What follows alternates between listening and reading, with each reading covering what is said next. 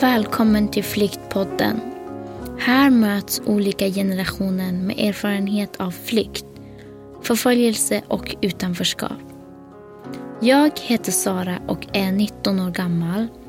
I det här avsnittet träffar jag Tobias Rawet. Han är 83 år gammal och överlevde Förintelsen. Han höll tyst om sina upplevelser i nazisternas koncentrationsläger under hela sitt yrkesliv. Det var först när han fyllt 60 år som han började tala om sina upplevelser. Jag glömmer allt vad som har varit. Jag vill inte tala om det som har hänt i gettot, det som har hänt i koncentrationsläger. Utan jag börjar leva nu. Va?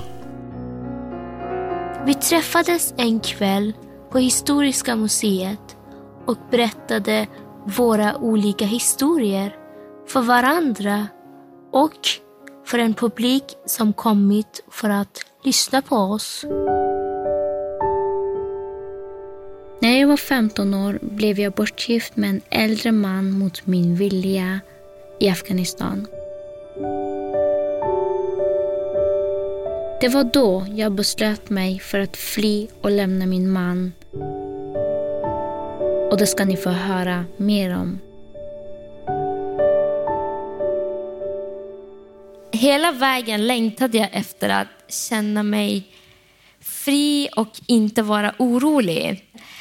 Eh, och då drömde jag att eh, jag bär en klänning och dansar i en stor äng ungefär. Det finns massor med blommor. Men det var konstigt. Jag var muslim, jag kunde inte dansa, jag hade hijab och jag visste inte hur en svensk sommar ser ut. Tobias Rawet föddes i Lodz i Polen och tre och ett halvt år gammal flyttades han tillsammans med sin familj in till stadens getto. När andra världskriget var slut hade Nazityskland mördat cirka sex miljoner judar.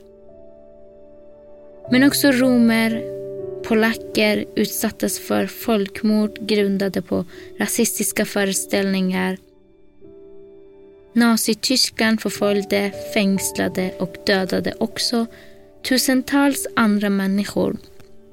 Bland annat många funktionsnedsatta och homosexuella. Tobias var ett av bara 65 barn från Lotts getto som överlevde. Idag vet vi att av dessa cirka 60 000 barn var vi i maj 1945 65 barn som fick chansen till ett fortsatt liv. Och du var en av dem? Och jag är en av dem. Så jag köper inga lotter, jag spelar inte. Jag har redan vunnit högsta vinsten. Jag förstår.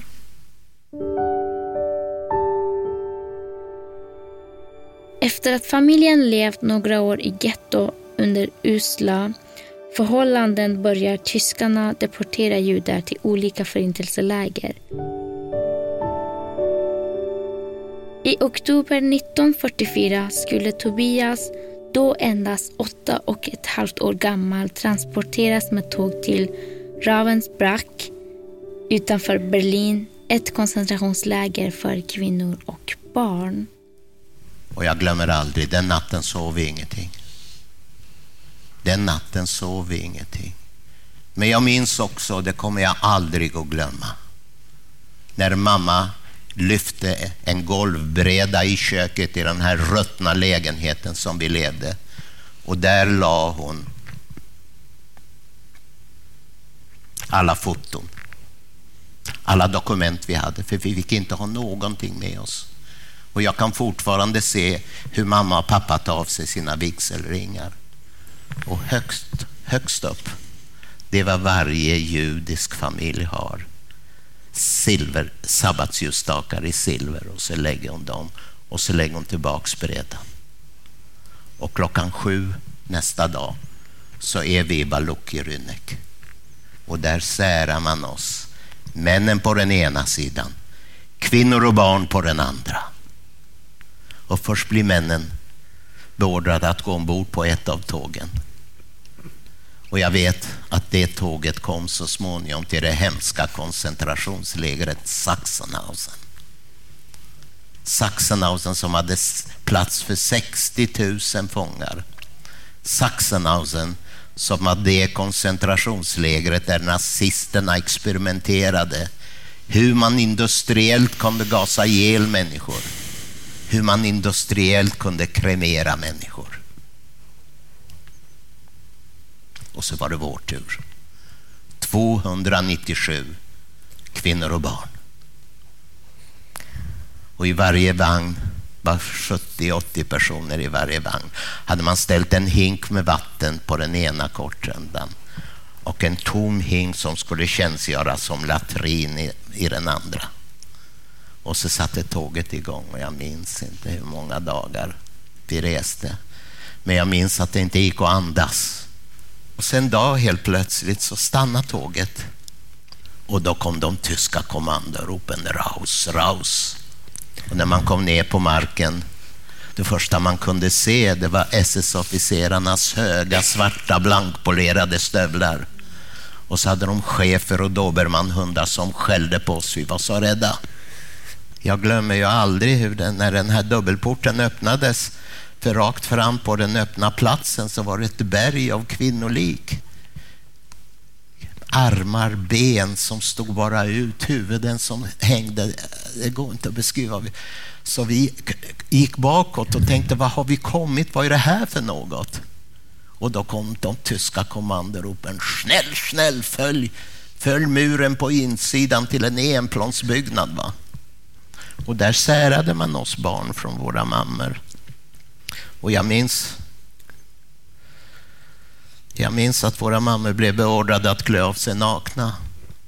Och många av kvinnorna var ju djupt religiösa, hade kanske aldrig ens visat sig för sina egna familjemedlemmar.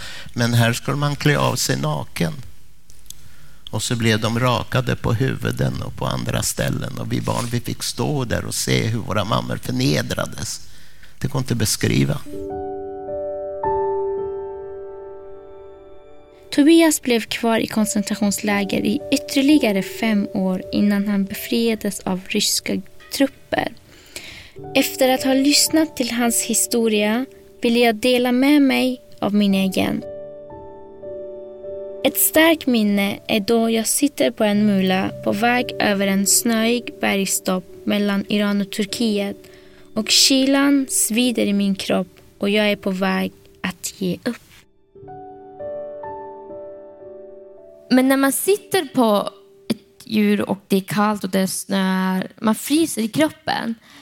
Eh, till slut vågade jag inte, alltså jag klarade inte av att sitta där. Jag sa till smugglaren att jag vill gå, jag kan inte sitta mer, jag, jag håller på att frysa.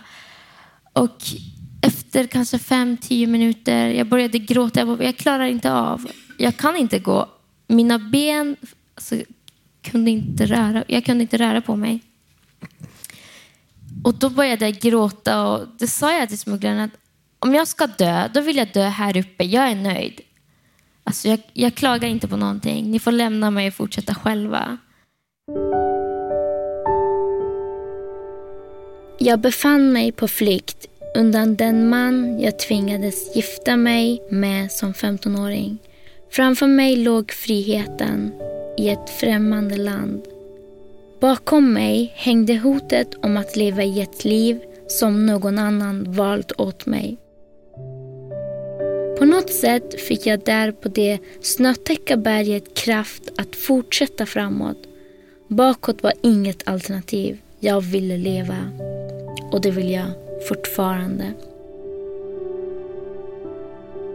Jag kommer från ett av de farligaste länderna i världen för kvinnor, Afghanistan. Att giftas bort mot sin vilja hör till vardagen. Jag känner så många andra unga tjejer som gått samma öde till mötes.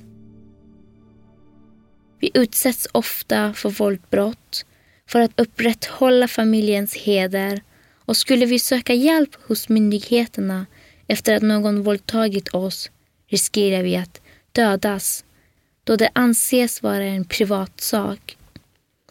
Min mamma bär på samma historia och när mina morföräldrar gifte bort mig önskade hon mig en bättre liv. Den man jag gift mig med visade sig vara någon annan. Då var vi ensamma. Han var hotfull, han pratade illa om min familj, rev sönder mina kläder och slog mig. Jag fick avsluta mina studier och skulle leva resten av mitt liv som en lydig hemmafru till honom. Men det är inte jag. Jag kunde inte tänka mig att leva så. Så vi flydde. Men min familj splittrades på vägen då vi blev beskjutna av gränspolisen. Min mamma och lilla syster hamnade i Iran och jag har inte sett dem sedan dess. Och min pappa började pressa mig att återvända till min make. Tänk på min heder, sa han. Det var otroligt jobbigt. Sen kom hoten från min man och hans släkt. De sa att de skulle döda mig om de hittade mig. Och hittar vi inte dig så tar vi din syster istället, sa de. Min syster var nio år. Pressen, stressen, oron och ångesten gjorde att jag ville ta livet av mig. För att få ett slut på allt. Men sen kom jag till Sverige i december 2015 och fick plats på ett skyddat boende. Och det var nog det som räddade mitt liv. Långsamt återtog jag min frihet. Jag har lärt mig svenska, pluggat in grundskolan och kommit in på medieprogrammet i gymnasiet och idag brinner jag för jämställdhetsfrågor och allas lika värde. Här i Sverige är min röst lika mycket värd som någon annans. Det är ovant och befriande. Jag tänker ju väldigt mycket på sånt som vad religion kan ställa till med. För mig är det här med hedershistorier, det berör mig väldigt starkt då, eh, när, jag, när jag hör de här historierna. Va? Eh, det, det pågår ju tydligen i alla religioner när man blir, när man blir fanatiker på det här. Va? Jag kan väl säga i mitt fall, eh, eh när, krig, när kriget är slut och jag kommer tillbaks till Polen och vi flyttar in i en lägenhet som jag kan komma ihåg. Jag har ett eget rum och mina föräldrar har ett sovrum. Och varje natt så kan jag höra min mamma, hon, hon, hon har mardrömmar hon skriker varje natt, nicht mir, nicht mir, nicht mir”. Inte mig, inte mig, inte mig. Va? Och jag tänker, jag vill inte ha det här livet som mina föräldrar har. Va? Jag börjar leva på nytt. Jag glömmer allt vad som har varit. Jag vill inte tala om det som har hänt i gettot, det som har hänt i koncentrationsläger. Utan jag börjar leva nu. Va?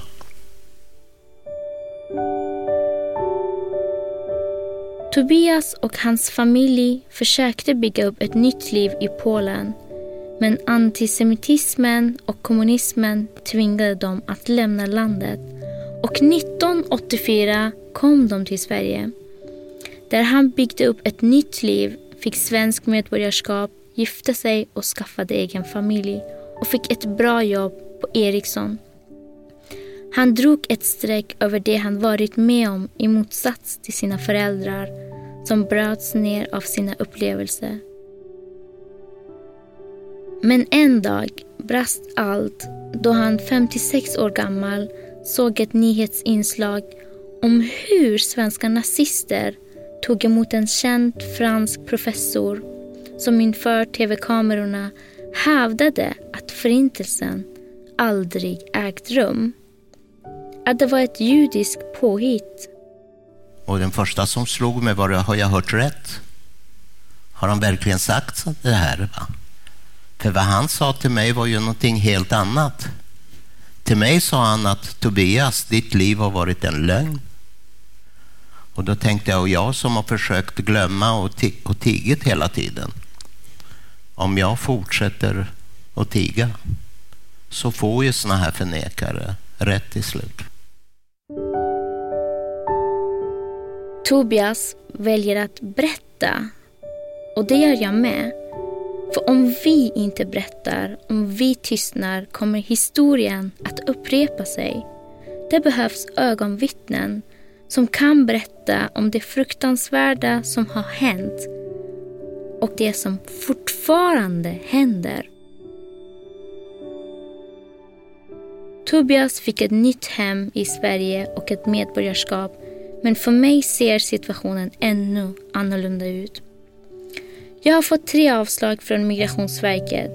De vill skicka tillbaka mig till Afghanistan trots det dödshotet som hänger över mig. De vill inte tro på min historia. Jag har överklagat beslutet till Europadomstolen som valt att ta upp mitt ärende och tillfälligt stoppat min utvisning. Än finns det hopp och jag vägrar att ge upp. Och när jag åker omkring och föreläser, åker tåg eller buss och ibland taxi i flera timmar och då ser jag hur stort det här landet är. Va? Och då tänker jag, tänk vad många människor skulle kunna bo här och utveckla landet ännu mer och vara med och dela på den här välfärden. Och det är det som driver mig va? framåt. Va? Jag är kanske lite avig inställd mot såna ekonomiska flyktingar. Va? Men när man söker skydd för att rädda sitt liv och rädda andra, då ska man ta emot med öppna armar. Jag har kommit hit för att jag har varit förföljd under andra världskriget, efteråt i Polen för att få ha ett normalt liv. Jag kräver ingenting annat utan att jag får komma hit och vara respekterad för den människan jag är. Inte för att jag, att jag inte har en, en annan religion. Och det ska gälla alla. Det ska gälla alla. För mig spelar det ingen roll om du är muslim eller kristen eller vad sjutton du vill. Du får vara vem du vill och du behöver inte ha någon religion heller om det är så du vill. Men respektera alla andra. Hade jag fått bestämma hade du fått stanna. Men det har jag inte tyvärr. Men jag kanske ska börja som pensionär på Migrationsverket, vem vet? Kanske det. De, de kanske behöver folk. Din historia var väldigt stark för mig och att jag kommer att ha med mig resten av mitt liv. Och jag har ju lärt mig att inte vara tyst och säga ifrån och vara stark. Ska man vara. Bara inte för att jag är en tjej eller en kvinna. Bara för att vi ska leva i ett jämställt land. För andras skull också. Och det kommer jag med mig ännu mer när det handlar om andra världskriget eller historien. För det är många som, kanske inte många, men det är vissa som tror att ja, men tiden har gått eller nu har det gått, vi behöver inte tänka på det. Men visst, vi behöver tänka på det här. Men vi ska lära oss av historien. Vi ska lära av historien. Absolut. Så det och att jag vill vara mer medmänsklig mot andra också. När jag hör din berättelse. Man ska alltid utgå ifrån att varenda ny människa du möter så är en god människa. Du ska inte ha någon förutfattad mening om någon. Och gör man det, att man att man tror på alla människor är goda människor innan man har visat motsatsen. Mm. Då kommer man långt. Jag tror. Jag tror också det.